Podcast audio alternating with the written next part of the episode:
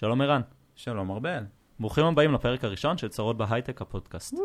היום אירחנו את גיא קולב, אה, שהסיפור שלו בהייטק מתחיל אה, מאוד מאוד שגרתי. הוא בוגר הנדסת תוכנה, בוגר קורס ממר"ם, שירת כמתכנת בחיל המודיעין, וכאן אה, נכנס איזשהו plot twist. כשהוא יצא לאזרחות והתחיל לעבוד כמתכנת, לאחר כמה שנים החליט לעשות pivot לתחום הגיוס. היום גיא מנהל, את, מנהל ומוביל את צוות ה sourcing של מייקרוסופט ישראל, אירופה ואפריקה. כן, אז עם גיא בעצם דיברנו על uh, המסלול שהוביל אותו בעצם לתפקיד שהוא עושה היום, מה זה גיוס ו sourcing, מה ההבדל ביניהם, התעסקנו בקורות חיים, איך לשלוח, מה כדאי לשלוח, אוניברסיטה מול מכללה, ובסוף גם ענינו על שאלות שאתם שאלתם uh, בנושא משא ומתן, ראיונות HR, וזו הזדמנות מעולה להזכיר שבעצם לפני כל פרק אנחנו נעלה פוסט לקבוצה, שבו ניתן לכם את ההזדמנות לשאול את המרואיין או המרואיינת שלנו שאלות בנושאים שרלוונטיים להם. אנחנו רוצים להודות לסמסונג נקסט, זרוע ההשקעות של חברת סמסונג בישראל, שמאפשרים לנו להקליט את הפודקאסט הזה, אה, ומקווים שתהנו.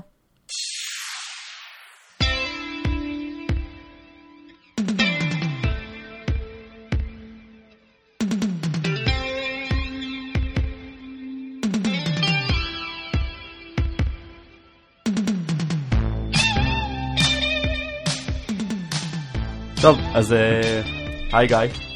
תודה שהתנדבת להיות האורח הראשון שלנו בפודקאסט של צרות בהייטק. כבוד אה, גדול הוא לי. אה, אז אה, טוב, אתה בעצם היום אחראי על עתידם בצורה זו או אחרת של עשרות אלפי אנשים בשנה, אני מנחש כמות הקורות חיים שעוברים דרכך או דרך מי מהארגון שלך. אתה, אתה מרגיש את כובד האחריות, או שזה כבר הפך להיות uh, שגרה? וואו, אז uh, א', אה, אני לא אחראי. בסופו של דבר, אה, אנשים אה, לוקחים את ההחלטות שלהם. מה שכן, אני יכול להגיד שכל קורות חיים שאני רואה, או כל פרופיל לינקדאין שאני רואה, זה לא עוד, כמה, עוד קורות חיים.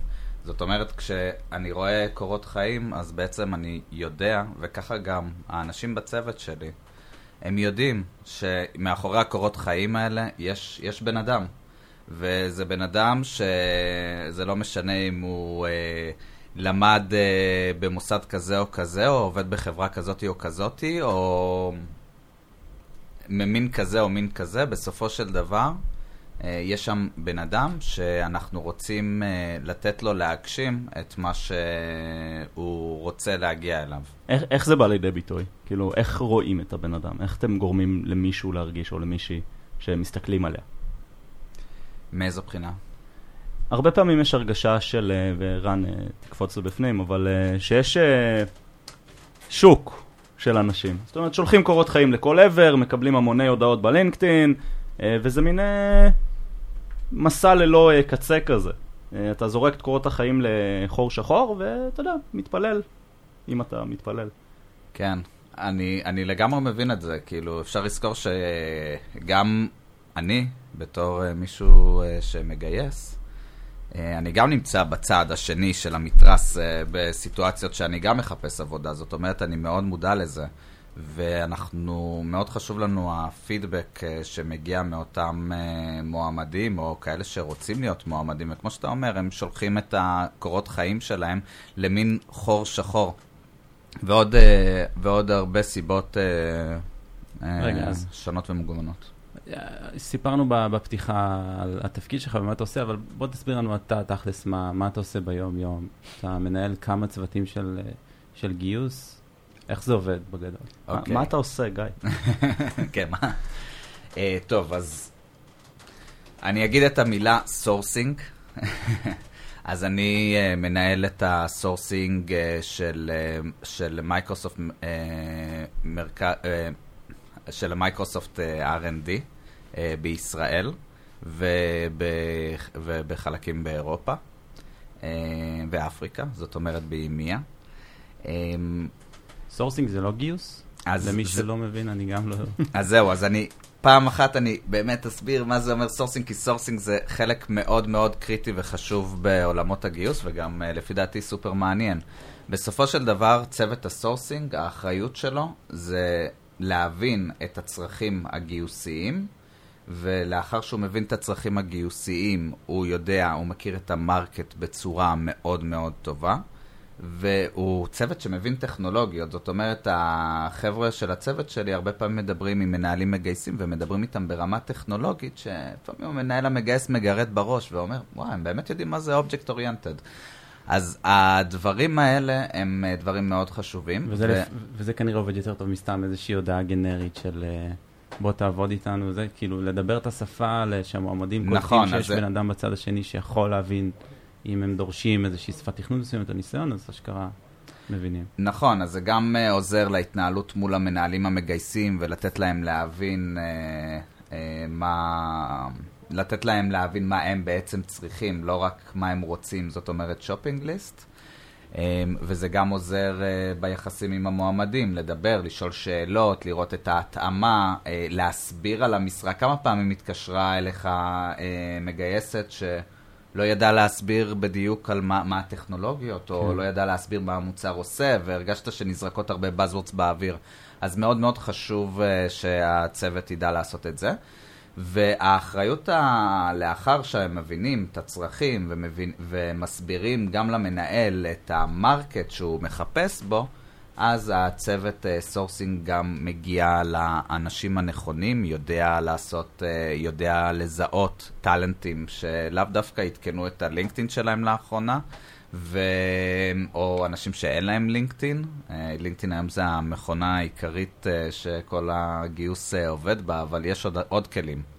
ואחרי שאנחנו מוצאים את המועמדים האלה, המתאימים, אז אנחנו גם מבצעים אליהם פניות ומביאים אותם. הצוות שלי אחראי על, על החבר מביא חבר במייקרוסופט, על... מה, מה הפאנל הכי טוב שלכם? כאילו, אחוזי הצלחה. חבר מביא חבר. בי פאר? כאילו, עשרות אחוזים יותר? בי פאר. אוקיי. אין כמו חבר מביא חבר בהיבטים מסוימים. אמ, ההיבטים, ההיבטים האלה הם מאוד מאוד חשובים, החבר מביא חבר, כי אתה גם יוצר ארגון שהוא מאוד מחובר, וגם כן אה, הארגון הזה, אה, יותר, החבר'ה שלנו יודעים להסביר בדיוק מה הם עושים. זאת אומרת, אני עכשיו כן. בתור מגייס, אני יכול בתור צעד שלישי להגיד למתכנת או ל-PM או ל data scientist או כל אה, מקצוע אחר מה הוא הולך לעשות, אבל זה לא יהיה מדויק כמו שחבר שלו, שהוא גם סומך עליו, יבוא ויגיד לו, טוב, תקשיב, אנחנו עושים ככה וככה וככה, והמוצר באמת מגניב, והמנהל שלי מדהים, מדהים, מדהים, ואנחנו עושים end-to-end. כן. יש, יש פה הרבה מאוד... אה, מהיום-יום. Uh, מה, מהיום-יום. זאת אומרת, בסופו של דבר מעניין אותך מה אתה מגיע לעבודה, מה אתה עושה ביום-יום, איך נראה היום-יום שלך. ואת היום-יום אני לא יודע לספר. מי שיודע לספר זה החברים שלכם, ואתם גם יותר סומכים עליהם. אז זה אחד מה... אה, אז באמת צ'אנל מדהים, מדהים, מדהים. רגע, זה אומר אה. שאתם יושבים וממש מניעים אנשים, ממש מניעים עובדים לעשות share ולפרסם, זאת אומרת, יש צריך תכלס בן אדם אצלכם שישב וישכנע את העובדים, תעשו share, תפרסמו, תביאו חברים, צריך להניע אנשים. נכון מאוד, אז אנחנו עושים כל מיני פעילויות אה, בשביל אה, לפרסם אה, החוצה, לעזור לעובדים שלנו. לפרסם את, אה, את המשרות הפתוחות, לפרסם שמחפשים. אמ, ועוד פעם, לא מדובר רק באינסנטיב שהוא, זה גם, אבל זה לא רק אינסנטיב כספי. זאת אומרת, בסופו של דבר, אני מאוד רוצה שחבר אה, או חברה יבואו אה, לעבוד איתי. כן. אני עכשיו, יש לי את הפריבילגיה לעבוד עם ערן באותה חברה, זה, זה שווה יותר מהרבה דברים. כן, זה, יש כאילו בונוס שהוא מעבר גם לבונוס שמקבלים. כן. זה, זה הקטע של... זה... כן, כן, אנחנו מאוד אוהבים אחד את השני. אה, גיא, אני הולך אה, לשאול אותך שאלה עכשיו שהיא נובעת מזה, ואולי שאלה, כאילו בטוח חשבת ודיברת על זה, אבל כשחבר מביא חבר זה הפאנל העיקרי, יש שם בעיות גם. שהבעיה היא שבסוף מקבלים אנשים שהם מגיעים מאותו מקומות, הם פחות או יותר דומים, אני יודע שאתה מתמודד עם זה, ו... ואיך בעצם מתמודדים עם זה? כי בעצם אם ה-KPI שלך, וזאת שאלה מעניינת, איך אתה מודד את עצמך, זה להביא יותר אנשים אה, מתאימים למשרות, איך אתה בעצם מתעדף? כי הכי קל יהיה להשקיע רק בחבר מביא חבר, זה הפאנל הכי טוב. כן. זה, זה נראה לי שאלה אה, שלא מפתיעה. זאת אבל... שאלה מעולה, כי זאת ש... זה באמת שאלה אה, של הבנה מאוד עמוקה, כי בסופו של דבר, אם אני מביא חברים שלי, וגם אם תעשו, אה, תחזרו קצת אחורה בהקלטה, אתם תשמעו אותי אומר שזה שזה אחלה חבר מביא חבר, אבל יש לו כמה אה, דברים שהם פחות טובים. אה, באמת בעולמות, אנחנו מנסים ליצור במייקרוסופט, אבל מייקרוסופט גם משקיעה, עוד פעם, אנחנו משקיעים גם מעבר לרק מייקרוסופט, כי, כי גם אני באופן אישי וגם מייקרוסופט, אנחנו מאמינים שחברה בסדר גודל כמו של מייקרוסופט יכולה להשפיע מעבר ל, אוקיי, רק אצלנו בחברה, אנחנו משפיעים גם מחוץ ל... Mm-hmm. מחוץ ל, אה, לחברה שלנו, בכלל על הקהילה. אמ, בשלל פעילויות ודברים, ודברים שאנחנו עושים. אמ, אז חבר מביא חבר, הוא בעצם אני מביא את האנשים שדומים לי, זה נכון. אם uh, אני, uh, אם אני הגעתי עם 8200 ועברתי קורס תכנות, ורוב הסיכויים, או ש... כמוכם, הגעתי מצפת. אתם, ה diversity שלכם לא משהו, דרך אגב, פה בצוות הזה. כן. אבל אה, כן, אז אה, בעצם אני אביא את החבר שלי. אז מה קורה אם עכשיו אני רוצה בתור חברה, אני רוצה לגדול ולהיות יותר diverse? עכשיו, השאלה היא, למה אני רוצה בכלל להיות diverse? למה אני רוצה את הגיוון הזה? זאת גם שאלה טובה, כן, לא? שאלה מעולה, כי יש את הגישה הכלכלית הקרה, נכון? שאומרת, חברה מטרתה להגדיל כן. את ההכנסות. בסדר? להגדיל את השווי לבעלי המניות, אני לא כלכלן, אז אל uh, תשפטו אותי. Uh, מה, מה האינטרס? כאילו, כאילו, מה האינטרס? אז אני, אני אגיד, זה, זה לגמרי business. זאת אומרת, חברה שהיא מגוונת, mm-hmm. וזה, מייקרוסופט לא עושה את זה בגלל של, אוי, איזה יופי, אני אעזור לקהילה. יש פה proper business. ומה שזה אומר, זה אומר שאם עכשיו אנחנו נהיה יותר מגוונים, אנחנו נגיע ויהיו לנו יותר רעיונות. זאת אומרת, אם אני מגיע עכשיו מאותו מקום, מ-8200, קורס תכנות, חמש וחצי שנים מהצבא, ואנחנו יושבים ביחד באותו חדר, כנראה, אולי יש לנו גם את אותה, אותה אימא, אימא ואבא, אז כנראה אנחנו גדלנו ויש לנו סביבה וספגנו את אותם דברים, אז אנחנו לא נגיע עם רעיונות חדשים. זה נכון שאנחנו נתחבר בהתחלה ביחד מאוד מאוד טוב, וכשאנחנו נתחיל, אז אנחנו נרוץ מאוד מהר ואנחנו נראה איזשהו פיק בפיתוח של התוכנה, בחשיבה, בדברים, הכל יעבוד מאוד מאוד מהר, כי החיבור הוא מיידי. אבל זה לא יהיה לאורך זמן. זאת אומרת, לאורך זמן אנחנו נראה איזושהי התיישרות של העקומה, ואז אנחנו לא mm-hmm. נראה את הצמיחה שיכולה לקרות mm-hmm. אם היינו מגוונים. אם היינו מגוונים, אמנם היה בהתחלה מבחינת פרודקטיביות קצת ירידה בעקומה, אבל לאחר הירידה הזאת, כשהיינו מתחילים להבין איך אנחנו יכולים לקחת את הרעיונות של כל אחד ואחת, להבין אותם וליצור את המשהו החדש הזה, יש עלייה, וזה ממחקרים. זאת אומרת, זה לא איזה משהו שאנחנו אומרים אולי, זה ממחקרים וזה קורה, ויש לנו דוגמאות מובהקות לזה. כן. ואנחנו רואים את הצמיחה הזאת. ובגלל זה מייקרוסופט מאוד מאוד חשוב לנו אה, ליצור את החברה המגוונת הזאת. אה... יש לי אנקדוטה מעניינת, האמת שהיא גם ממייקרוסופט. אה, גילוי נאות, אני הייתי עובד מייקרוסופט בעבר, גיא גייס אותי. עד היום אני נותר לו טינה על זה, סתם לא היה ממש בסדר. אה, והאנקדוטה המעניינת ששמעתי על זה, כשפיתחו את ה Surface, הטאבלט של אה, מייקרוסופט, אה, בהתחלה בצוות היו רק גברים, וכשהצטרפה מהנדסת ראשונה לצוות, אז היא פשוט הבינה שהטאבלט כמו שתכננו אותו, הוא קורע את הגרביונים. עכשיו זה משהו שלמהנדס גבר פשוט אין את היכולת אפילו להבין שזאת בעיה, כי זה פשוט לא במודע. אה, מה שלמדנו מצרות בהייטק היה שאחת הצרות בהייטק הכי גדולות של נשים זה איפה שמים את הטאג של לובשים שמלה. זה דוגמה מאוד דומה לאיך, זה משהו פשוט לא ב... כן. בסקופ, זה לא בעולם שלנו באותו אז רגע. אז אותו כנ"ל לדברים אחרים שהם לא רק מגדר, כאילו... ברור. מישהו אה, שבא מתל אביב, לא יודע איך זה בפריפריה, מישהו... כן, כל גיאוגרפיה כן. עולמית. אה, והאמת שזאת שאלה מעניינת, אתה דיברת על אפריקה, שאתה אחראי גם על אפריקה. איך, איך עושים sourcing באפריקה? זה שונה?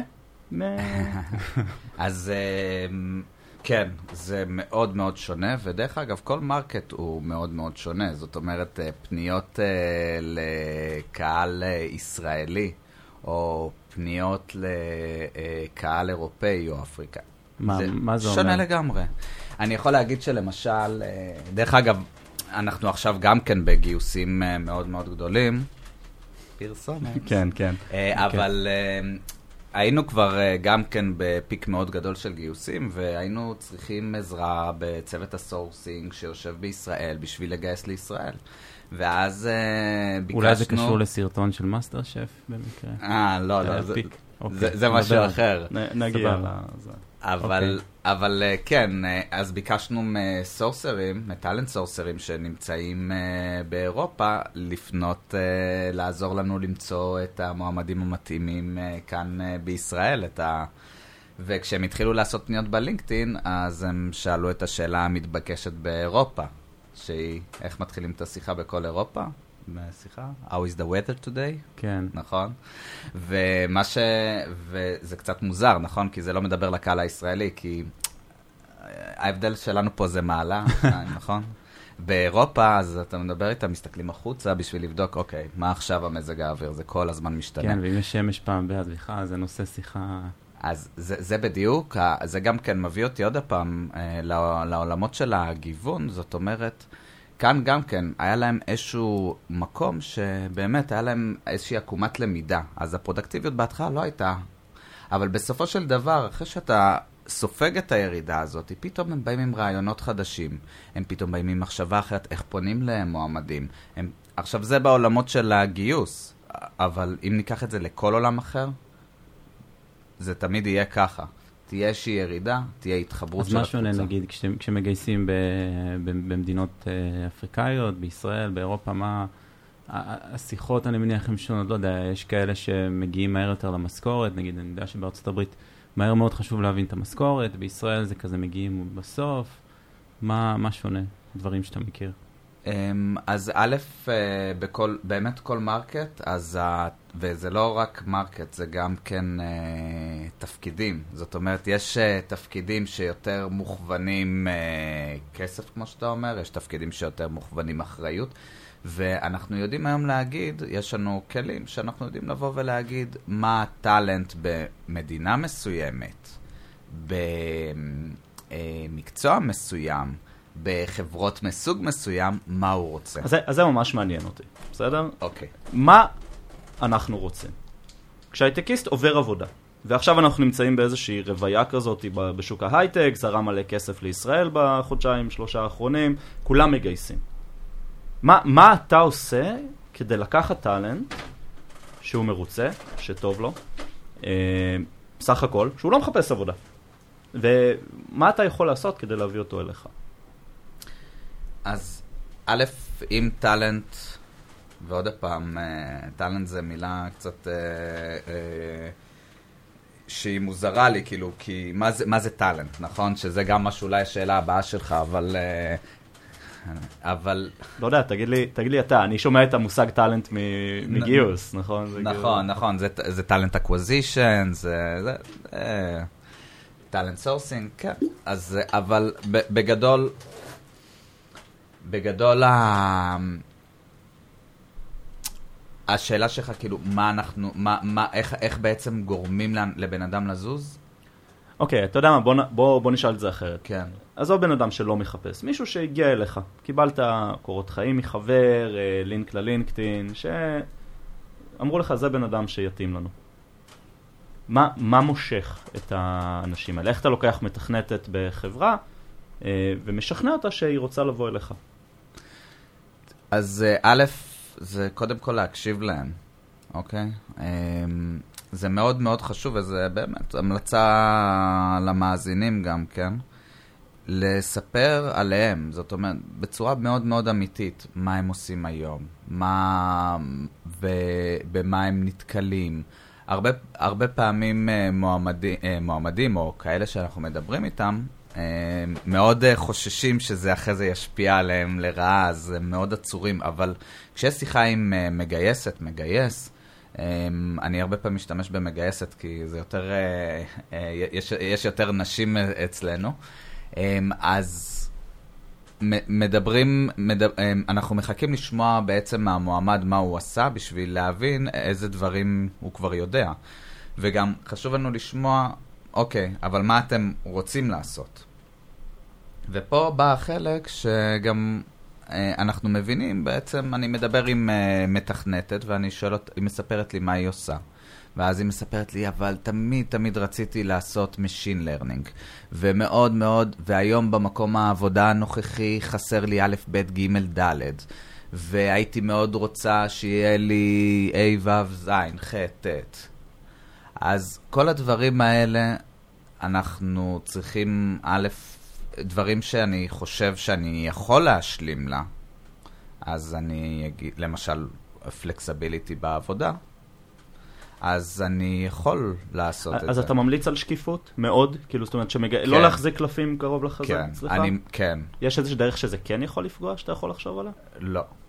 אוקיי. במקומות האלה, עוד פעם, יש פה עניין של win-win situation. אם אני עכשיו יכול, אם אני אשמע באמת מה היא רוצה, אני אדע גם לקחת אותה ולהציע לה את המשרה הנכונה. זה גם יגיד את. הסיכויים שהיא תישאר יותר זמן בחברה, ובסוף... אה, בדיוק, כן. כי בסופו של דבר, אם מפריע לה א', זאת אומרת, היא לא אוהבת את התרבות אין טעם הארגונית של להסתיר את הארגון. זה, כי אחר כך זה... בדיוק. כן. אז אני, אני ארצה שהיא תבוא והיא תגיד לי את הדברים, ואני אגיד לה, תשמעי, אני מבין שזה מאוד מטריד אותך, הנקודה הזאתי, אבל גם אצלנו יש את הנקודה הזאתי, וזה בסדר, אפשר להמשיך בתהליך, זה לא פוגע בה, אבל תדעי שגם אצלנו זה ככה, אבל אצלנו יש גם א', ב', ג'. מעולה. ואז אתה בא, אתה נותן לה, העניין של שקיפות הוא בכלל, הוא אני, מאוד אני מאוד חושב חשוב. ששקיפות מהצד של המעסיק פה היא מאוד מאוד חשובה. אה, אני יכול לספר, עכשיו אה, בדיוק החלפתי עבודה, התחלתי לעבוד בלייטריקס, והם מאמינים בשקיפות אה, אולי אפילו קצת קיצונית, בסדר? יגידו לך הכל בפנים. אה, ואני מאוד הערכתי את זה. אני ידעתי למה אני נכנס, אני לא הופתעתי מאוד. אה, במייקרוסופט הייתה לי חוויה מאוד דומה, אה, שוב, אולי כי אתה היית באמת הבן אדם שליווה אותי אז. אבל זה מאוד מאוד חשוב מהצד הזה. כי אני מראיין אתכם גם. אני כבן אדם שחפש עבודה, מראיין את המעסיק ורוצה לוודא שהכל שם מתאים למה שאני רוצה, ואני לגמרי מסכים שאם יש לי בעיות במקום הנוכחי, זה לא שזה יפסיק להפריע לי במקום החדש. אבל אני יש לי צריך שאלה בהקשר לוודא הזה. שזה טוב. אם, אם, אם בעצם ה-KPI העיקרי של, של מגייס או מגייסת זה פשוט רק להביא בן אדם לחברה ולקבל, נגיד זה outsource, לקבל משכורת ראשונה, בונוס, דברים כאלה, הוא יעשה, זאת אומרת, אין פה alignment of interest בהכרח, כי הוא יבוא, היא יבוא ויגידו, אני רק צריך להכניס את הבן אדם הזה למייקרוסופט, אני מקבל בונוס ולא אכפת לי. אתה, בתור עובד מייקרוסופט, שנגיד, חשוב לו גם אחר כך שעובד יישאר ושיהיה, אתה יודע, ווין ווין באמת לכולם.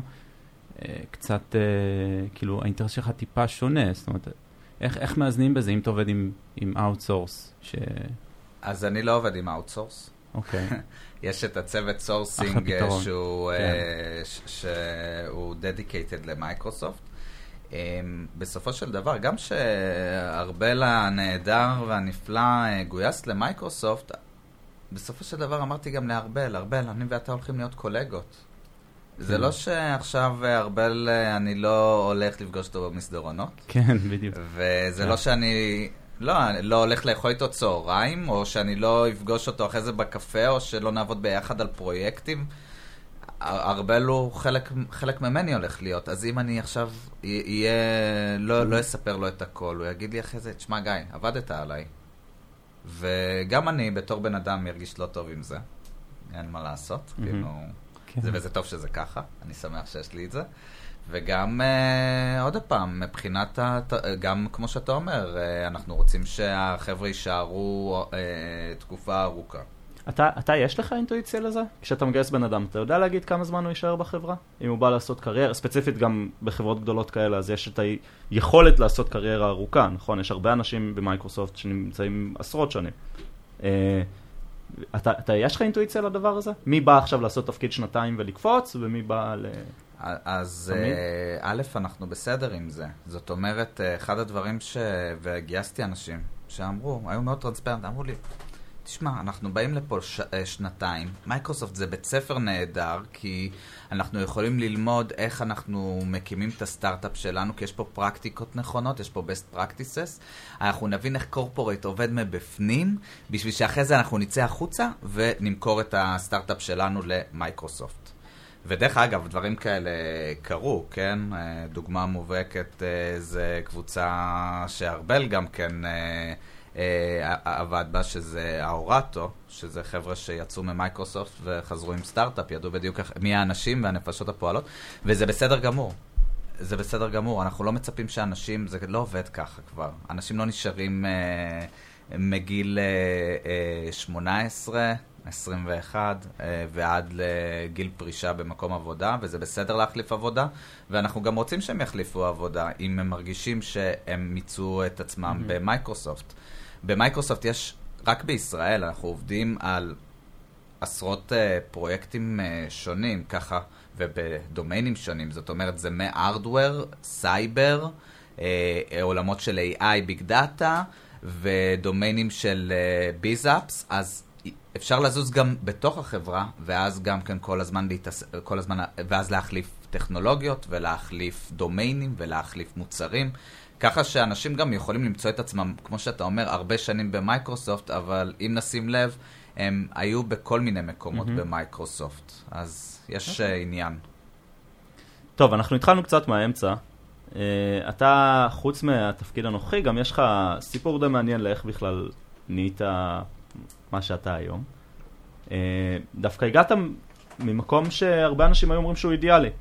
Uh, התחלת, בצבא היית מתכנת, uh, יוצא ממר"ם, uh, ומתישהו בחייך החלטת לעשות את הפיבוט הזה, שהפיבוט הזה הוא, להרבה אנשים הוא נראה מוזר. אתה הולך ממקום שהוא מאוד פרסטיג', אה, לפחות אה, ככה זה נתפס. אה, אני לא יודע באמת, אבל אני מניח שמכניס יותר כסף, או שיש לו פוטנציאל הכנסה יותר גדול, והחלטת לעשות פיבוט. אה, ספר, ספר קצת איך בכלל התחלת, איך הגעת לדבר הזה. זה... כן. אז uh, אני לא... עוד פעם, אם, uh, אם תרצה אז אני אכנס גם uh, ליותר דיטלס, אבל... אין לנו אה, חוקים, דבר, גם נעצור אני- באמצע. סבבה. אז פשוט כל דבר שמעניין תעצרו אותי. אמ, אני אתחיל דווקא מהילדות. בגיל אה, שהייתי בן עשר אה, לא היה הייטק מפותח בישראל כמו היום, וזה לא שהייתה איזושהי דמות של אחד ההורים שאתה אומר, אה, הנה הוא בהייטק, איזה מגניב, מייקרוסופט, וואו, איזה משרדים, איזה, איזה, איזה, איזה חיי חברה, דברים כאלה, או אה, אה, לייטריקס. זאת אומרת, יש כל מיני, היום יש הרבה אנשים שעובדים בתעשייה, ואנחנו יכולים לראות ולהגיד, אוקיי, אני רוצה להיות כזה. אז לא היה את הדברים האלה. היום זה יותר בתרבות הפופולרית. נכון. נכון. כן. ואז זה לא היה ככה, ואני זוכר שרק התחיל אה, האינטרנט, שהייתי בן 12, עם גדלת המודם חמ- בירושלים, רק בירושלים, כן. אז uh, התחיל האינטרנט עם המודם של ה-56K, זאת אומרת כבר uh, שאתה יודע אם האינטרנט הולך, uh, הולך לעבוד לפי הצליל של המודם, ואם לא, והיית תופס את הקו uh, טלפון uh, כשהיית על האינטרנט, ו... אז היה... שיחה- שיחה ממתינה הייתה מפילה את האינטרנט, זה פשוט הזיה. הזיה. הזיה. ו... והיה את נטקס הזה שקמו, שאפשר לכתוב בעברית, אתה.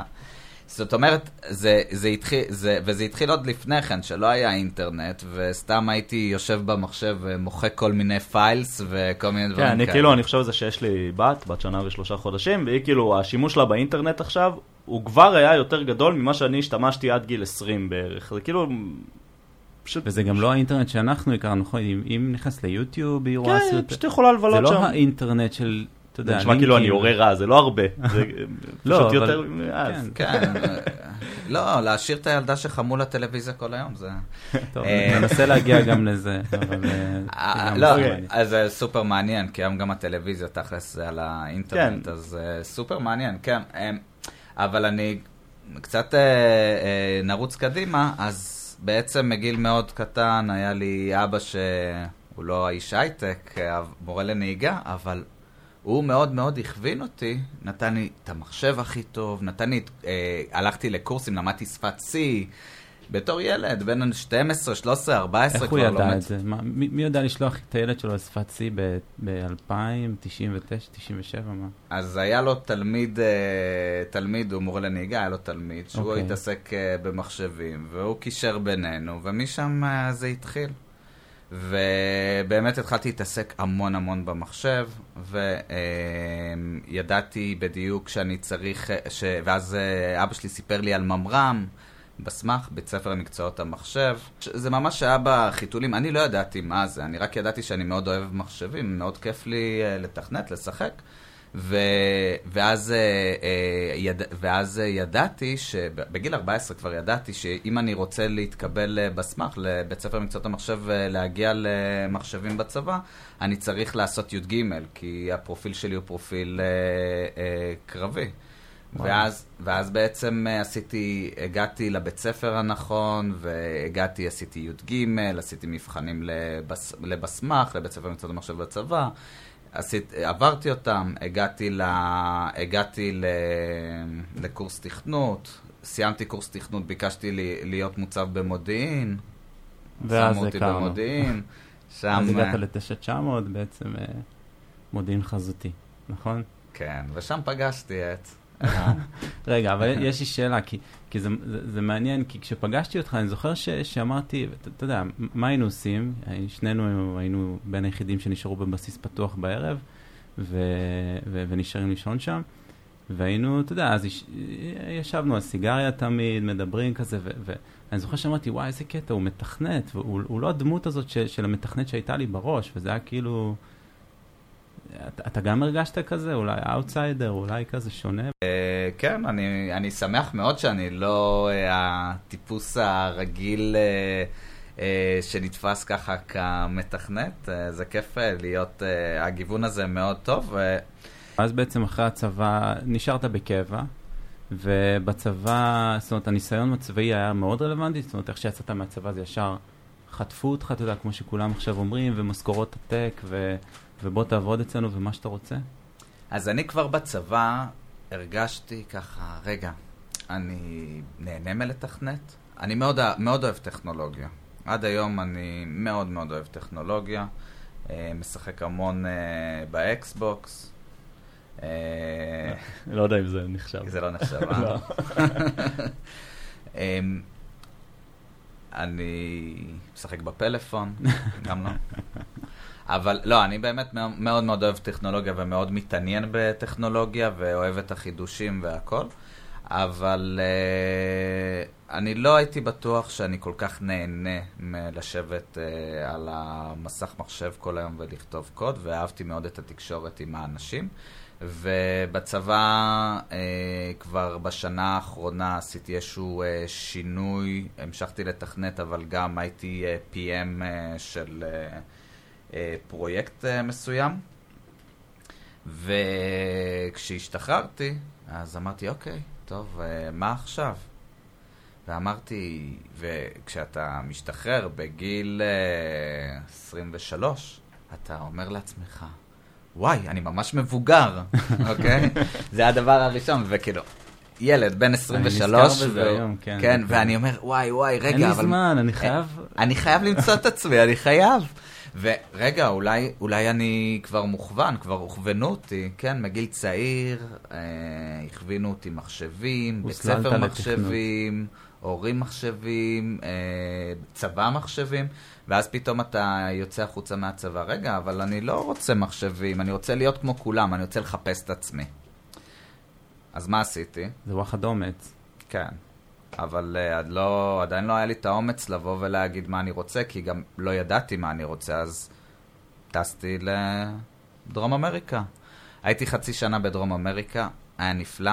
Uh, חזרתי חודש לפני שהייתי אמור לחזור, שעד היום אני אומר, למה? למה עשיתי את זה?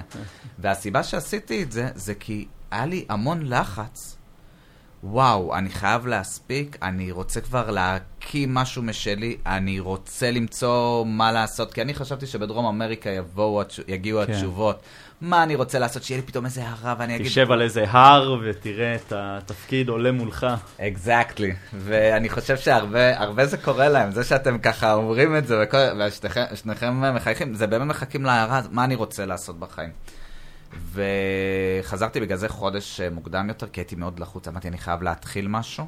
היה איזה רעיון? היה באמת איזה הערה? כיוון? משהו? כל הזמן, בדרום אמריקה כל הזמן אה, היה לי דברים. אה, מהמקום שאתה עולה לאוטובוס בבוליביה ואין לך מקום כי קנו אה, את הכרטיס, כרט, את הכרטיס לכיסא בתחנה במקום אחר וזה לא מחובר ב, אה, לאינטרנט, אז אתה אומר, אני אעשה להם עכשיו רשתות בבוליביה וטה טה טה. יש לך הרבה חלומות, ו... וכן, וחזרתי, וחזרתי uh, לארץ, בלי, לא ידעתי מה אני רוצה לעשות, ואז התקשר אליי uh, uh, הפאונדר של uh, Code Value, והוא אמר לי, בוא, בוא, בוא אלינו, בוא, בוא תתחיל...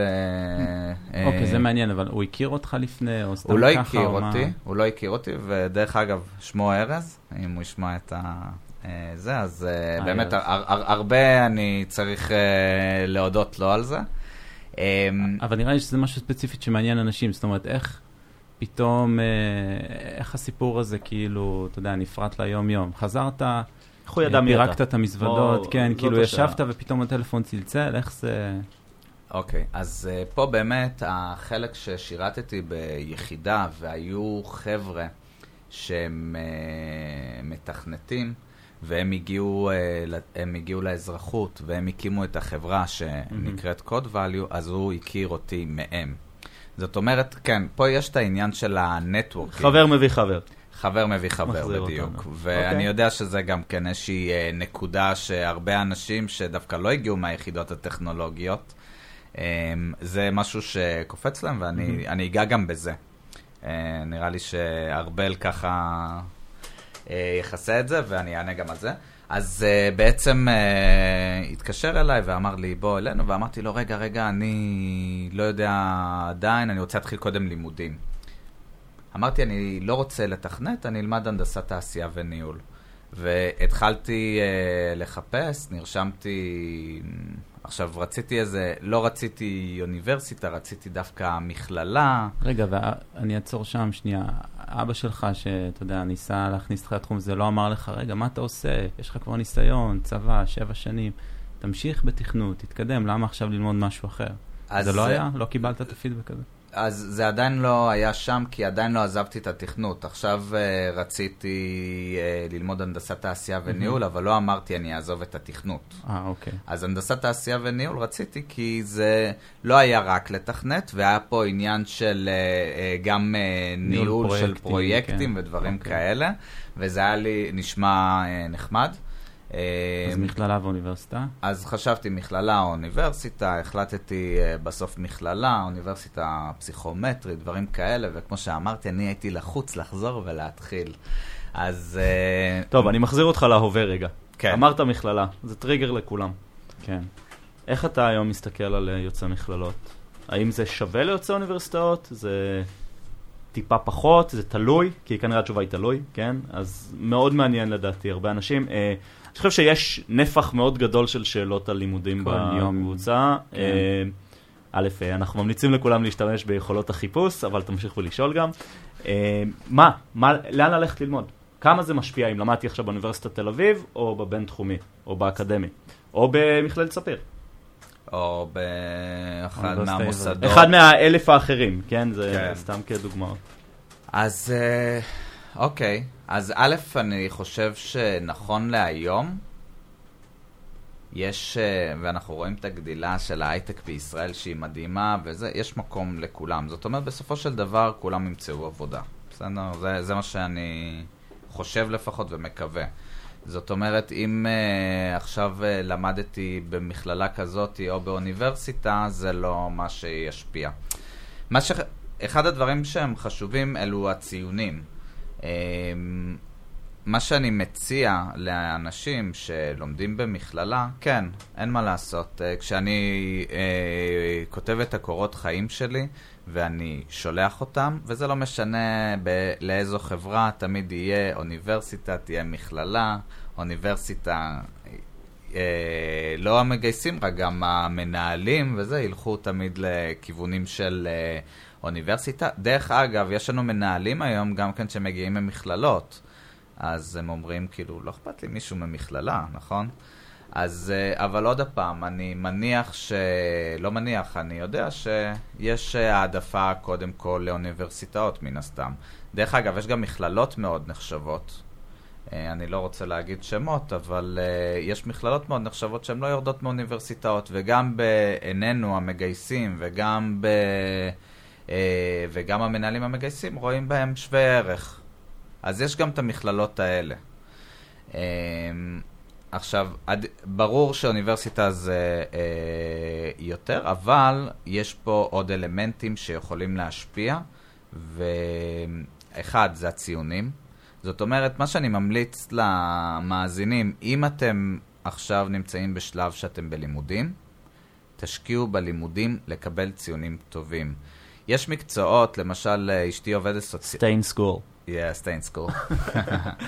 uh, יש, uh, יש מקצועות, למשל עבודה סוציאלית, אשתי עובדת סוציאלית, שם לא משנה להם הציון, זאת אומרת, הם לא מסתכלים...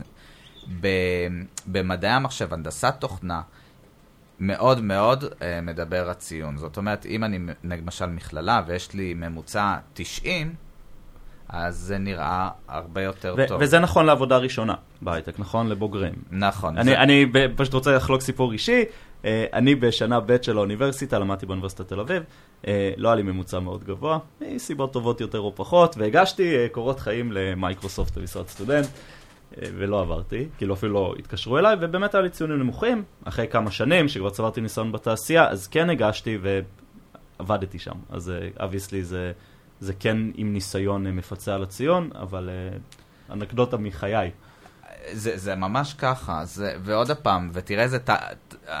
לא מחמיא לך, בסדר? אל תיקח את זה, אבל באמת, תראה איזה טאלנט פוספס פה בגלל ציון של האוניברסיטה. אז יש אבל פה... אבל אולי זה גם היה נכון בדיעבד. מה אתה חושב על זה? אני, אני לא יודע, אני חושב שהמסלול חיים שלי היה מאוד שונה אולי.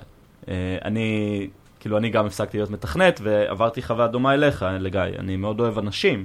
אני הלכתי לה, אולי יותר ברור של ללכת להיות מנהל מוצר, ולא לברוח מהזה, אבל uh, יכול להיות שאם הייתי מגיע למקום אחר, והייתי מתכנת עם אנשים אחרים, והיה לי בוס אחר, uh, יכול להיות שהחיים שלי היו נראים מאוד אחרת. ואני לא יודע להגיד אם טובה או לרעה, אני לא יודע מה היה המחיר של המניה של מייקרוסופט באותו זמן, יכול להיות שזה היה ממש משמעותי לחיים שלי, אבל uh, זה, זה קרה. כן. וזה, לדעתי זה מעיד גם על זה שכאילו, ציונים זה חשוב, אני דווקא הולך לעשות פה counter, אבל זה לא הכל. Uh, אני יצא לי במהלך התואר שלי, uh, עבדתי, עבדתי במשרה כמעט מלאה. ו- ויכול להיות שזה תרם לי יותר מעוד עשר נקודות, ואולי זה עיכב את היכולת שלי להיכנס לארגונים גדולים שבאמת מסתכלים על ציונים יותר ממקורות אחרים, אבל הקריירה האישית שלי, יכול להיות שעשיתי את הדבר הנכון, ואני לא באמת יודע, כי אני לא יודע להשוות. יכול להיות שאם הייתי משקיע יותר בלימודים והולך טיפה לעבודה, אז הייתי אולי מצליח להאיץ טיפה. אבל זה what if, כן. אין פה תשובה. אז אני, אני אגיד שבאמת במייקרוסופט עכשיו אנחנו לא מסתכלים על הציונים. זאת אומרת, וארבל זה דוגמה באמת טובה, כי עוד פעם, מה היה קורה אם כן היית מתקבל באותה תקופה? כנראה שלא לא היינו מצטערים, נכון? אז אני... אז עוד פעם, אני... אני, אני רק אהיה ספציפי, אני סיימתי את שנה ב' עם ממוצע 79, כן? אני רוצה להגיד את המספרים. אה, סיימתי את התואר עם אה, מעל 80, לא הרבה מעל 80. אה, לא, זה מעניין בסוף, כי גם שואלים כן, ספציפית זה, על מספרים. זה נראה לי חשוב ו... פשוט כן. להגיד, כן חשוב להגיד שזה היה לפני 10 שנים, אז יכול להיות שדברים השתנו מאז. אה, כן. אבל אה, זה בגדול... אז, אז עוד פעם, אנחנו היום כבר לא מסתכלים על הציונים, ואנחנו כן מסתכלים, אבל, אנחנו, אבל עוד פעם, אני לא מדבר רק על מייקרוסופט, וכשאנחנו מסתכלים פה על, אה, על כל התעשייה, ברור שאם רואים עכשיו אה, אה, אה, מצטיין דיקן, זה, או מישהו עם ממוצע מאוד מאוד גבוה, זה נותן לו יתרון. אז אה, א', כש, ההמלצה שלי כשנמצאים בלימודים צריך להשקיע ולהצליח בלימודים. עכשיו, בשביל אה, אה, לגרום לזה שיסתכלו על הקורות חיים שלך, אז אתה יכול לעשות עוד דברים. אחד מהם זה, כמו שאתה אומר, אה, לעבוד במקום בזמן הלימודים, אה, בשביל לצבור את הניסיון, כי בסופו של דבר מה שמשנה באמת זה הניסיון. אה, אז זה דבר אחד. דבר שני, יש המון פלטפורמות שמאפשרות לנו להחצ... להראות שאנחנו יותר, שאנחנו, שיש לנו משהו שהוא יותר. מה זאת אומרת פרקטי, יותר? שהוא hands on. שהוא hands-on בדיוק. אני יכול להיות ב-Stack Overflow ולקבל, אה, ולהתחיל לענות שם על שאלות, וזה זה מאוד יפה. כי- מישהו מהצוות שלך יודע להסתכל על זה? כאילו, אני כן, באמת שואל, כן, כאילו, כן, זה כן. מעניין אותי. חד משמעית, כן. אוקיי. אז יש לנו את Stack Overflow, אז עכשיו שמגיע מועמד, שנגיד 79, אה, זה, אה, ו... אבל בקורות חיים שלו, יש שם את הפרופיל Stack Overflow שלו, ונכנסים לפרופיל Stack Overflow שלו, ורואים שהוא ב Java, C-Sharp אה, או כל שפה אחרת, יש לו שם ציון מאוד מאוד גבוה. אז אומרים, וואו, אז הבן אדם כנראה מבין את זה כי הוא עונה לאנשים על שאלות, נכון? עכשיו, אוקיי, אז, ודרך אגב, Stack Overflow זה דרך נפלאה ללמוד, כי once אני עונה לאנשים על שאלות, אני גם לומד, נכון? אז זה דווקא נורא מעניין, כי הם נתקלים בכל מיני בעיות אמיתיות, אני פותר להם אותם, אני לומד, והחלק השני זה GitHub, אוקיי? ש GitHub, אה, לכתוב קוד ולהיות פעיל בגיטאב, אז גם כן, החבר'ה שלי יודעים להסתכל על זה ולראות את הריפוזיטוריז ולראות באיזה שפות השתמשו וטה טה טה טה טה. ואז, ולכתוב בלוגים, או כל דבר אחר שיבואו ויראו משהו שיה, שאני עושה, שהוא מעבר, שאני עושה והוא מעבר, וככה אה, בעצם אה, ליחצן את, ה, את עצמי החוצה. כי יש הרבה מאוד, וזה, זה, הדבר הזה הוא לא רק לסטודנטים, דרך אגב. זה נכון על אחת כמה וכמה לאנשים עם ניסיון. בן אדם עם ניסיון שאנחנו פותחים היום, ואנחנו רואים שהוא עובד באלף, בית, גימל, ואנחנו רואים שיש לו GitHub profile שהוא פעיל, ורואים שיש לו Stack Overflow, והוא כותב בלוג, או אחד מהם, לא צריך את הכל, כן? אז, אה, או שיש לו channel ביוטיוב שהוא מלמד דברים, או כל אה, דבר אחר. או בטיקטוק. או בטיקטוק שהוא עושה ריקודים, כן. זה, אה, זה, האמת ש... זה misconception. חשוב לי להגיד את זה, טיק טוק, עכשיו... כשני מכורים לטיקטוק, כשני מכורים לטיקטוק, טיקטוק. שנכנסו בזמן האחרון אה, מאוד עמוק לטיקטוק, it gets better with time. תתחילו, תהיו בזה קצת, זה... זה... טוב. בסדר, נחזיר אותך. סליחה, הייתי חייב... אה, כן. אני מנהל את כן. השיחה הזאת כמה פעמים ביום, שאנשים שומעים שאני בטיקטוק. אז אה, כן, אז אה, זהו, אז אני חושב שהמכללה סלאש אה, אוניברסיטה, אז כן, זה משנה כשרואים את זה, אבל יש עוד הרבה מאוד דברים, והרבה פעמים שמדברים אה, עם בן אדם שהחליט ללכת למכללה, וגם אני, אני, אני התואר שלי הוא גם במכללה, הוא לא מאוניברסיטה. ותשאלו אותי למה אני הלכתי למכללה ולמה לא אוניברסיטה, אני עבדתי תוך כדי משרה מלאה. משרה מלאה עם ציון אה, למעלה אה, מ-90, ו... אה, והייתי, אה, ועבדתי אה, אח- 100% משרה. אז, ש... אז אה, לקחת מישהו שעבד 100% משרה והוציא ציונים זה, אז החלטתי ללכת לאוניברסיטה כי עבדתי תוך כדי, ויש כמוני עוד הרבה מאוד אז אנשים. איך אתה ממליץ לאנשים שמגישים קורות חיים בעצם לשים את זה על השולחן או להבליט את זה? זאת אומרת, בקורות חיים לרשום, אה, הציונים שלי יכולים להיראות נמוכים בגלל שא', ב', ג', בגלל שעבדתי משרה מלאה, בגלל שזה. זאת שאלה מעולה, האמת. מבק- איך אתה מציף את זה? זהו, כדאי לצרף נגיד לקורות חיים לינק לכל הפלטפורמות שאני עושה, כן. או במכתב. אה, כן, אז א', לא, לא, לא הייתי ממליץ לכתוב שום דבר בקורות חיים על זה, כי אוקיי. לא צריך להתנצל על זה, ומי שלא רוצה אותנו, אז, אה, אז כנראה שאנחנו, לא, לא מתאים לנו לעבוד איתו, בסדר? אבל אה, כן אה, הייתי אה, מוסיף לינק לפרופילים שלי.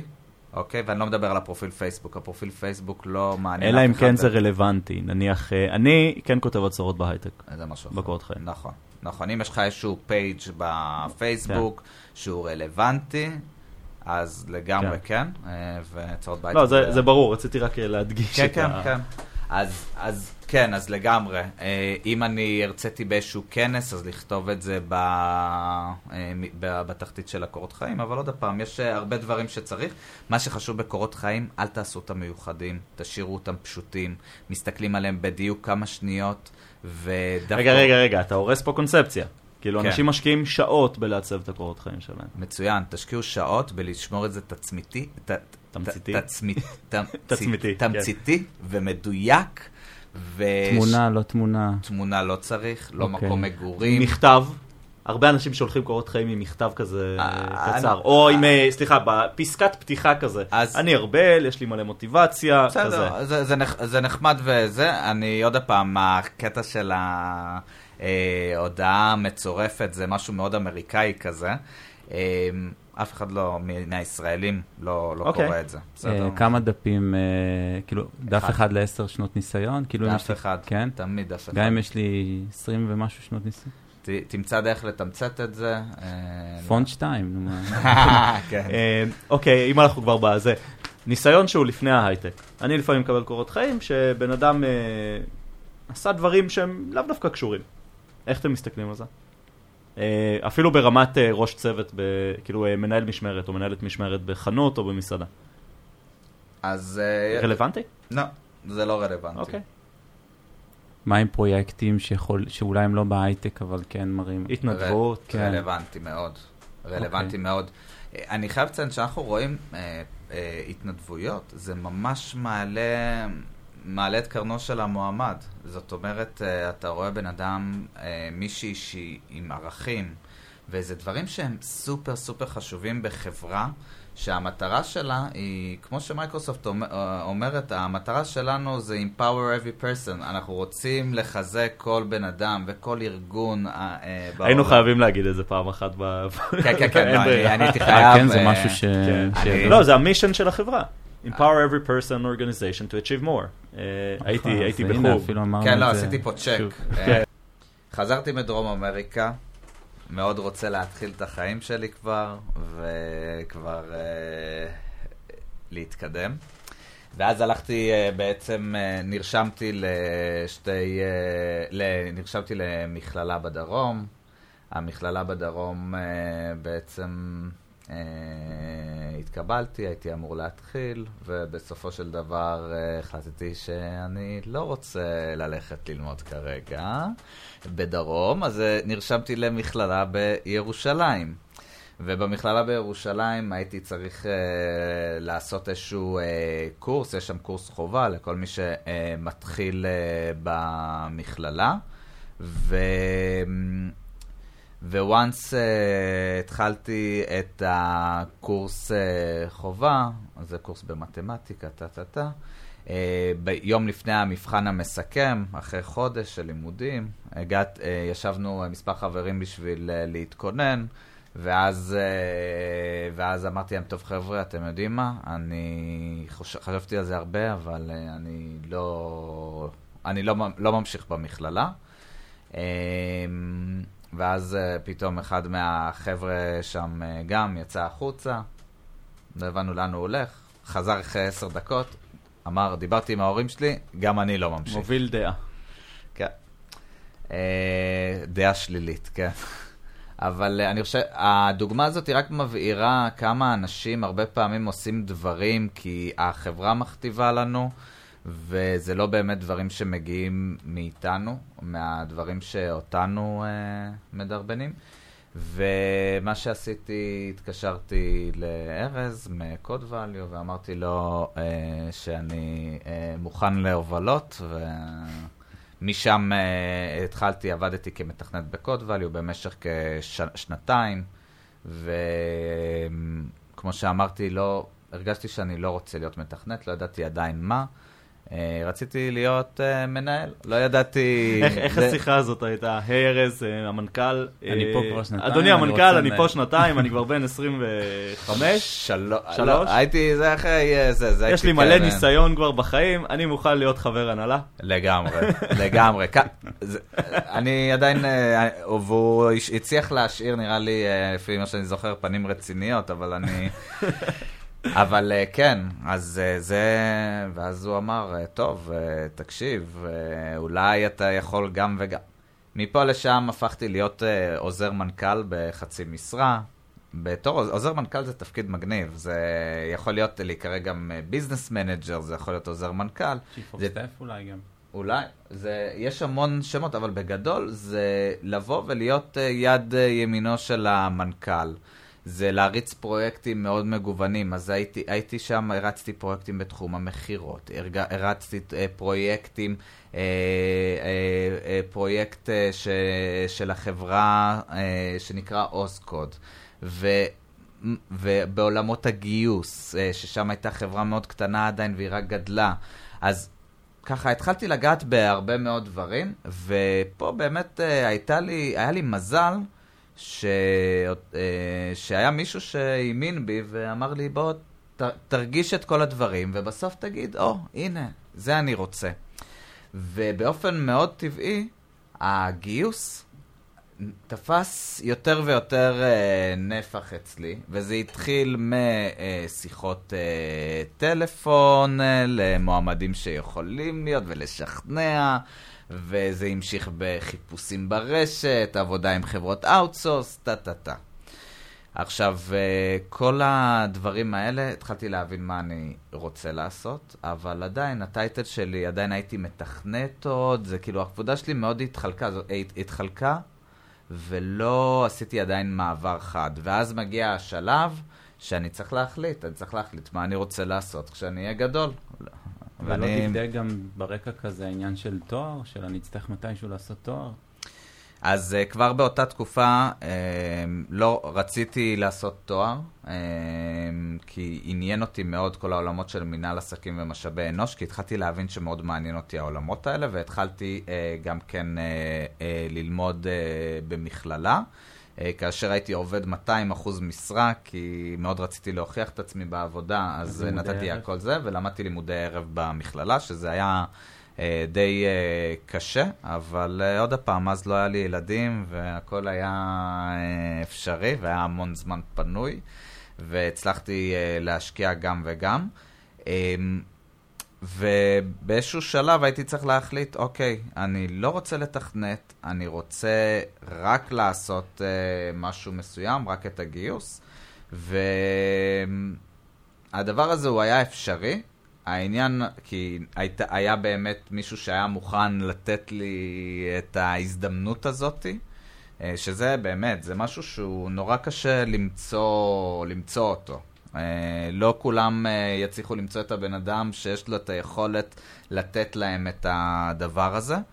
אני מסכים לגמרי, אני גם אגיד אבל שזה לא קל מבחינתך אישית. זאת אומרת, צריך המון אומץ כדי לעשות את המעבר הזה. יש לך שנים של ניסיון כמתכנת. הסביבה בטח, אתה יודע, הסביבה הקרובה אומרת מה, מה אתה עושה. עזוב, כמות הכסף שאתה מרוויח היא כנראה יותר נמוכה. זהו, זה, זה, זה בכמה רמות אתם כל, כך, אתם כל כך צודקים. היה פה את הרמה של לבוא ל... לאבא, להורים, להגיד להם, חבר'ה, כאילו... לאבא שדחף אותך מגיל כל כך צעיר. זה כזה, אני מרגיש כמו איזה כדורגלן. כן. אבא, אני עוזב את מנצ'סטר. כן. לגמרי, מה קרה? אז כן, יש המון... לא, לא שאני רוצה להציג כאילו אה, זה לא תפקיד חשוב, מה שאתה עושה, אבל זה כאילו הקונספציה סביב זה היא מאוד... כן.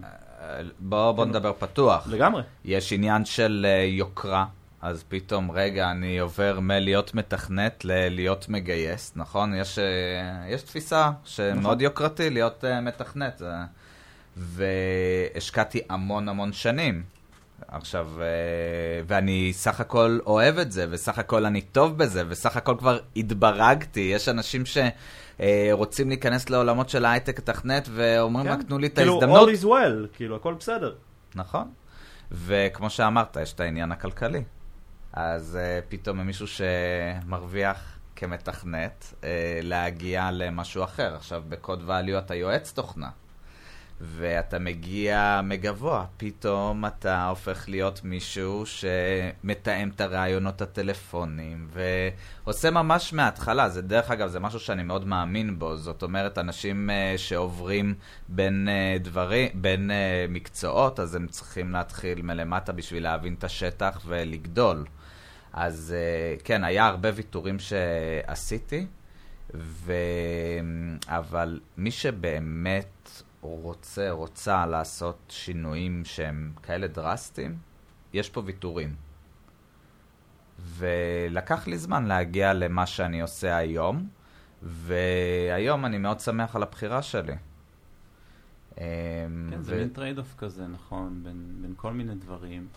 בסופו של דבר, אבל אם, אם, אם אתה עושה משהו שאתה אוהב ונותן לך יותר סיפוק ביום-יום, זה שווה ויתור על הרבה דברים אחרים, ביניהם גם אולי כסף או... ח- חסרה לי חוליה בשרשרת רגע, שהתחלת לעשות את הפרויקטים אצל המנכ"ל, ומתישהו עברת לעשות גיוס במשרה מלאה. מה, מה, מתי? איך זה קרה? מה ממש קרה? אה, גיוס משרה מלאה. כן, אז uh, באמת uh, עברתי תפקיד.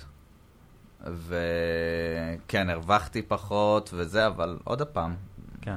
זה גם uh, קשור מה אתה עושה, אין מה לעשות.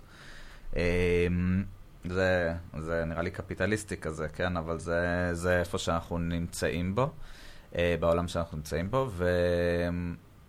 עברתי, בתור מגייס בודד בחברה, וברגע שאתה הראשון, אז מן הסתם החברה גדלה, מצליחה, אתה הופך uh, לראש, כי אתה מתחיל לגייס את האנשים תחתיך וזה, והתחלתי uh, לנהל את הגיוס שם, uh, ניהלתי את הגיוס תקופה, גייסתי uh, עוד מגייסות, ובאיזשהו שלב uh, הרגשתי שאוקיי, צריך uh, להמשיך uh, הלאה.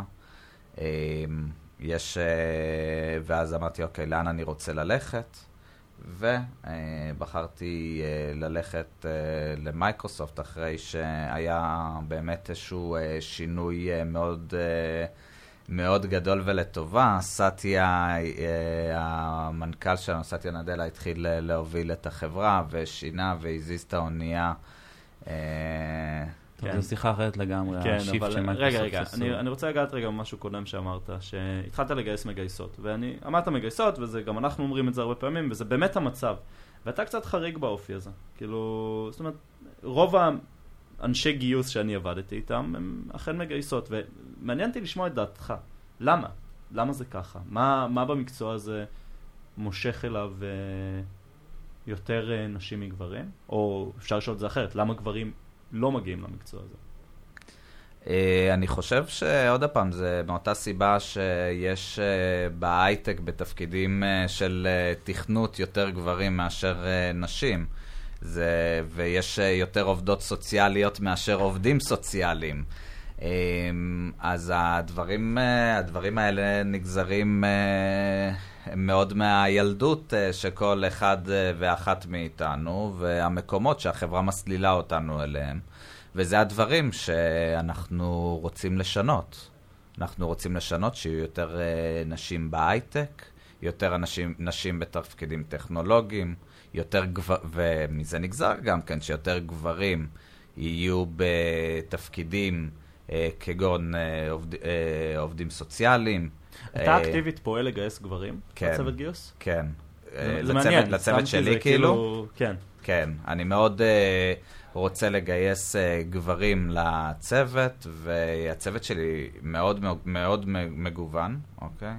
יש לי היום uh, שני uh, גברים בנוסף אליי, uh, שלושה, אנחנו uh, בצוות בארץ. דרך אגב, באירופה יש שם, הר- הר- הרוב נראה לי גברים, כאילו יש המון, המון גברים באירופה, בישראל זה הפך uh, להיות uh, מקצוע שיש יותר נשים. אבל uh, עוד פעם, לא, זה כללי נושא מעניין, אה, ואולי אה, שווה שנעשה פרק שלם מתישהו על העולם הזה, אבל אה, אה, רציתי גם לשאול, אה, ההסבה כמתכנת, מי מתכנת בעצם? נותן לך המון כלים והמון דברים. איך אתה מרגיש שזה משפיע ביום-יום? אתה מרגיש שיותר קל לך לדבר עם אנשים? אתה... מה, מה היתרון? אני חושב שכל דבר, בגלל זה אני חושב ש, שדיברנו מקודם, זה מחבר אותי לגיוון שדיברנו מקודם.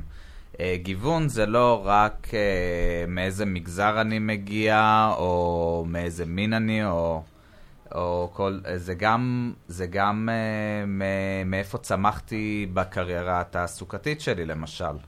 אז uh, כשמישהו, מישהי מגיעים, uh, נגיד הם מתכנתים, אבל הם uh, דווקא היו רופאים לפני כן, והם עשו הסבה לתכנות, אז יש uh, את העולמות למשל של האלפקר, שאתה אומר, וואו, כאילו, היא הייתה רופאה, והיא עכשיו מתכנתת, או שהיא PMית, או שהיא data scientist. יש לה הבנה מאוד מאוד עמוקה, גם בצד שהולך להשתמש במערכות האלה.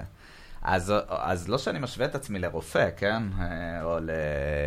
או ל... לא, אבל הגיוון אבל- כל דבר, הוא תורם בסופו של, בסופו של דבר לכל...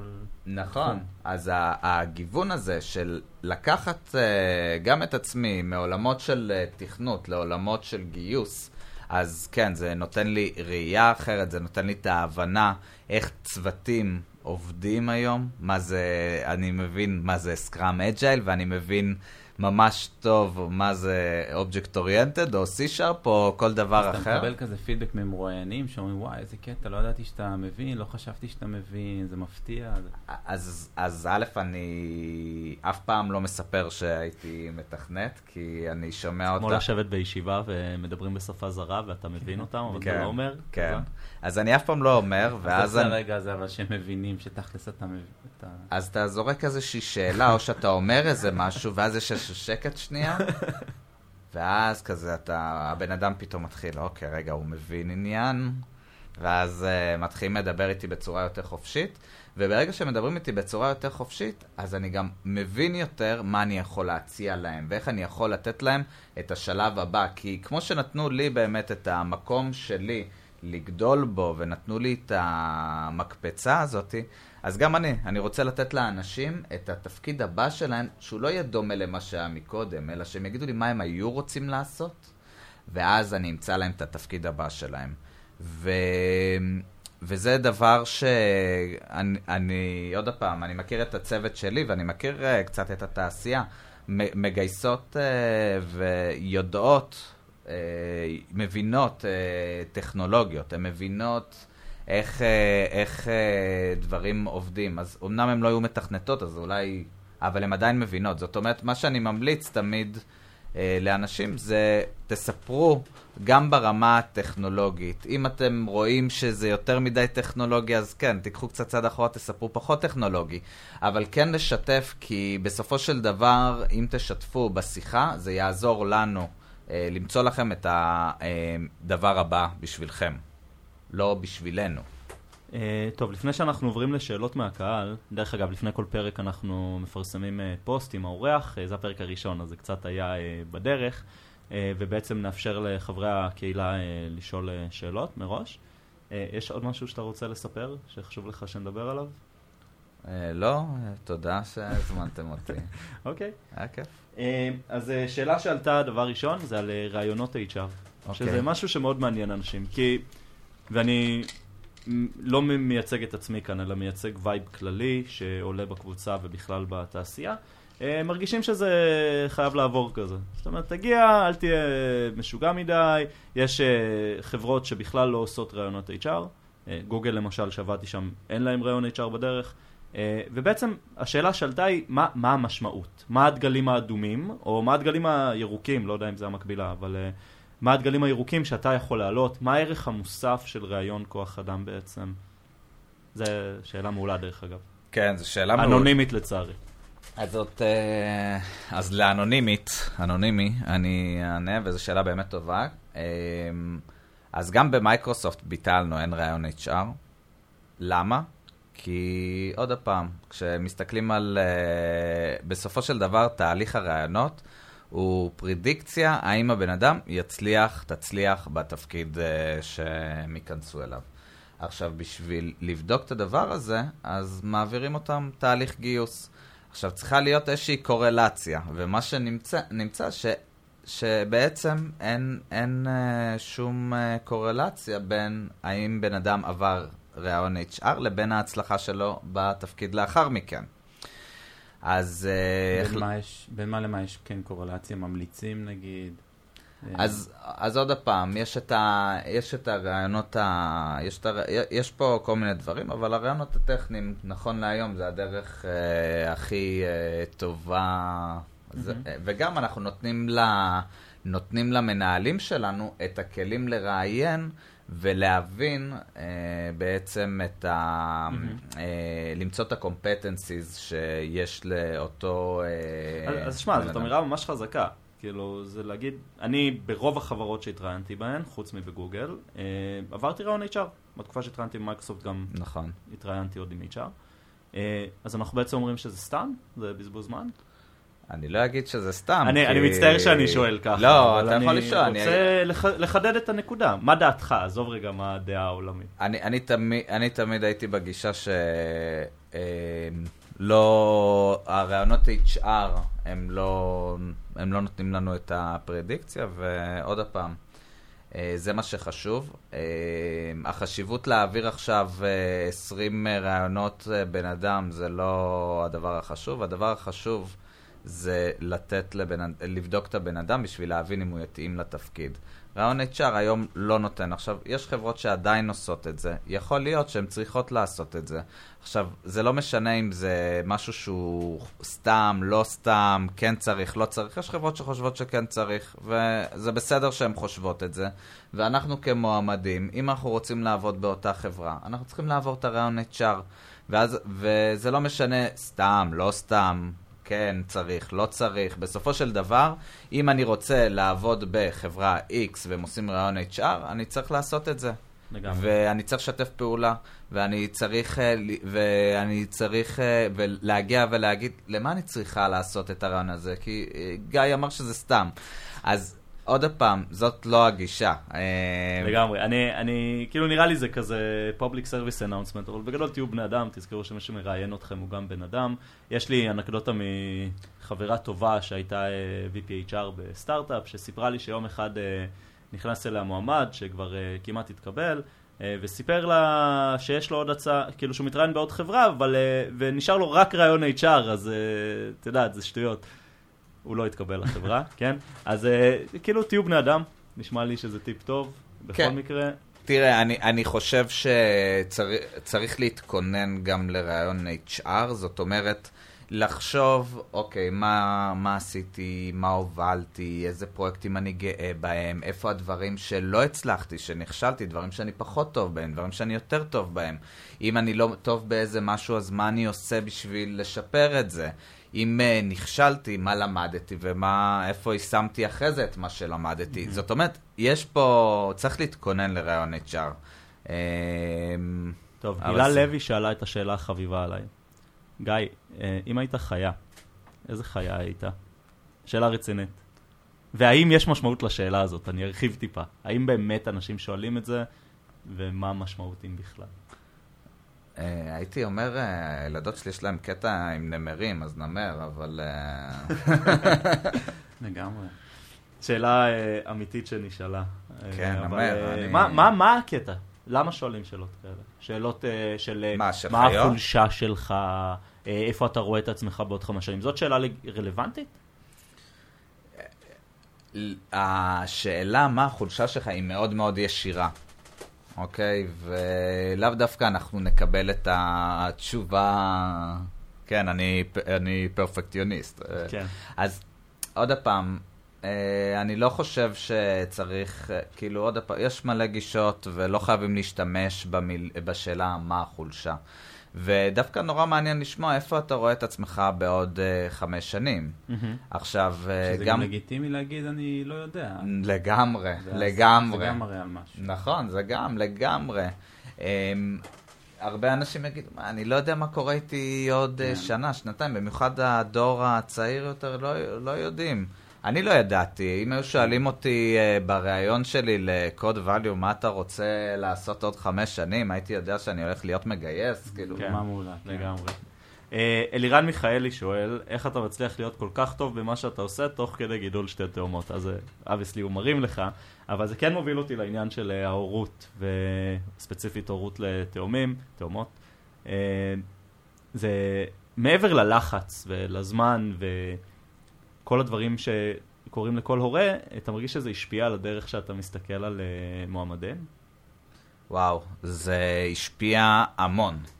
השפיע המון ומכל מיני תחומים. א', אה, לירן אה, חבר טוב, אח, אז כן, אז תודה על הפרגון. אה, כן, אז זה מאוד השפיע עליי בהרבה מאוד uh, תחומים. Uh, זה השפיע איך שאני מסתכל על, ה... על העובדים שלי, uh, ואיך אני רואה אותם ואת ה... צורך שלהם להיות עם המשפחה, ודברים ש... שמבינים אותם כשיש לך ילדים, אתה רואה את זה קצת אחרת. מבחינת אמפתיה, המון המון דברים. זה פשוט uh, שיש לך ילדים, דברים משתנים אצלך. Uh, אני חייב לציין שלהיות uh, הורה בהייטק זה לא פשוט. אנחנו עובדים הרבה שעות, וזה לא דבר קל. והקורונה, וה, אם היא עשתה משהו שהוא טוב, זה לא, אתה יודע, להגיד דבר כזה, זה... אני, אני אגיד את זה גם. אני uh, הפכתי לאבא כמה חודשים לפני הקורונה. Uh, הפוזיטיב הכי גדול, אולי היחיד שאני קיבלתי מהתקופה הזאת, זה באמת היכולת לבלות את הכמה חודשים הראשונים עם הבת שלי uh, בבית. ואני גם היום עובד בעיקר מהבית, וזה שיש לי את הגמישות הזאת שאני יכול לראות אותה, לי כהורה זה היה יתרון מעולה.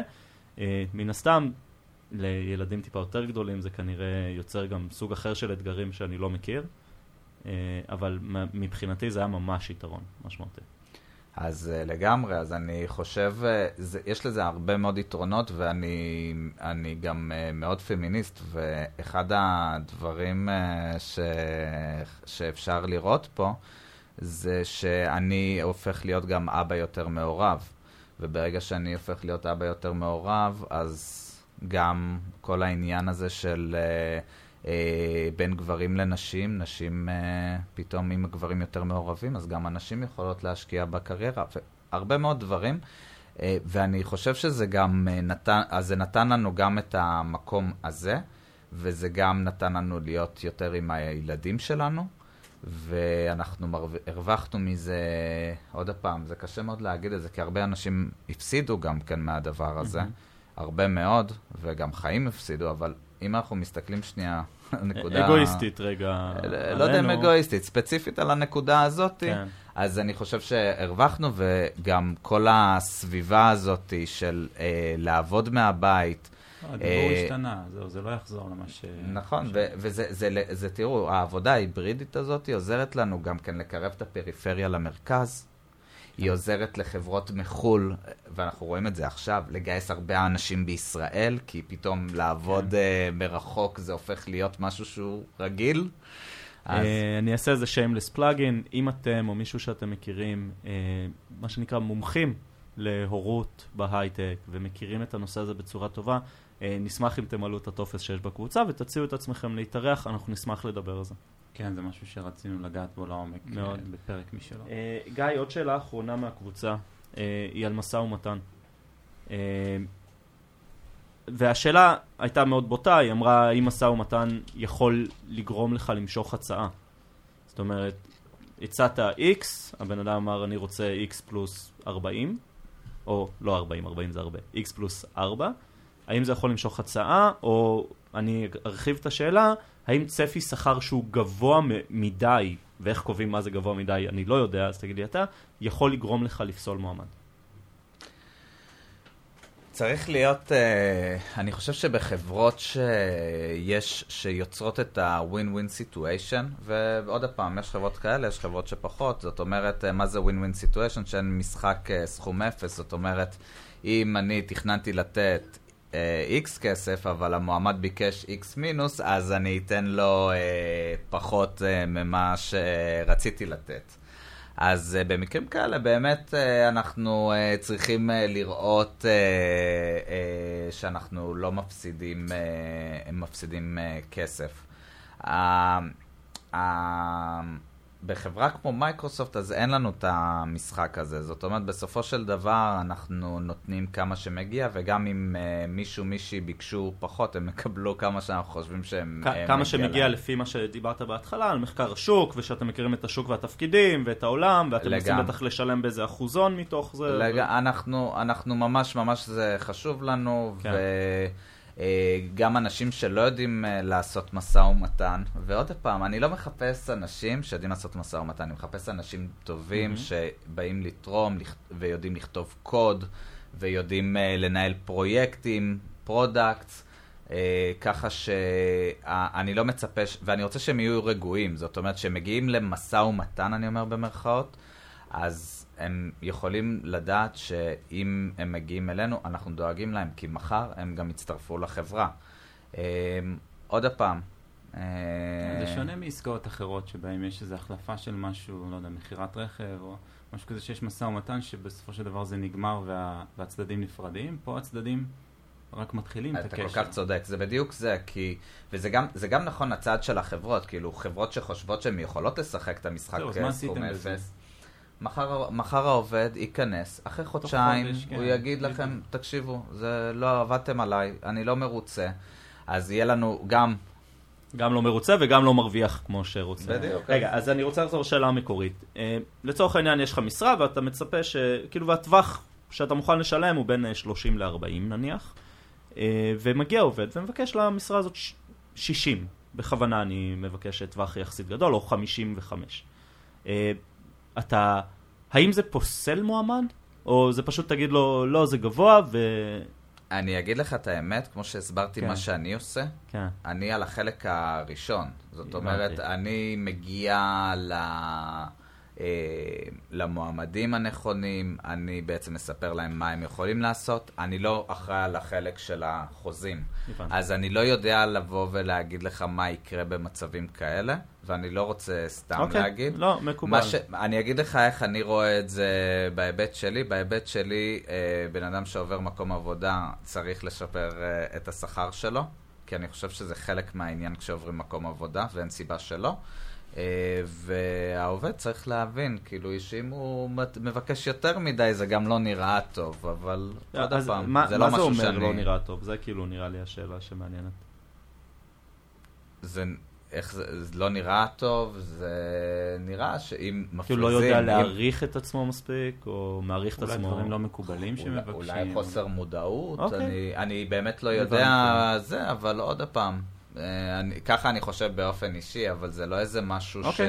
שבמייקרוסופט אה, מושכים הצעות כי ביקשו יותר מדי, לגמרי. ואני לא מכיר את שאר השוק, איך הוא מתנהל זה, זה פותח הזה. לנו עוד uh, פרק עתידי על משא ומתן השכר, נשמע שזה לגמרי, מעניין המון. לגמרי. אה, טוב, אני חושב שהיה סופר מעניין, כאילו באמת, אה, לא נגענו במלא דברים, אה, גם employer branding רצינו קצת אה, לגעת, אבל אה, שזה משהו שקשור אליכם, שאתה יודע, תכלס זה. כזה תחילת הפאנל, אבל... אה, תודה שבאת. כן, נסיים כאן, היה ממש... ומקווה שגם אתה נהנית. מאוד. אה, וזהו,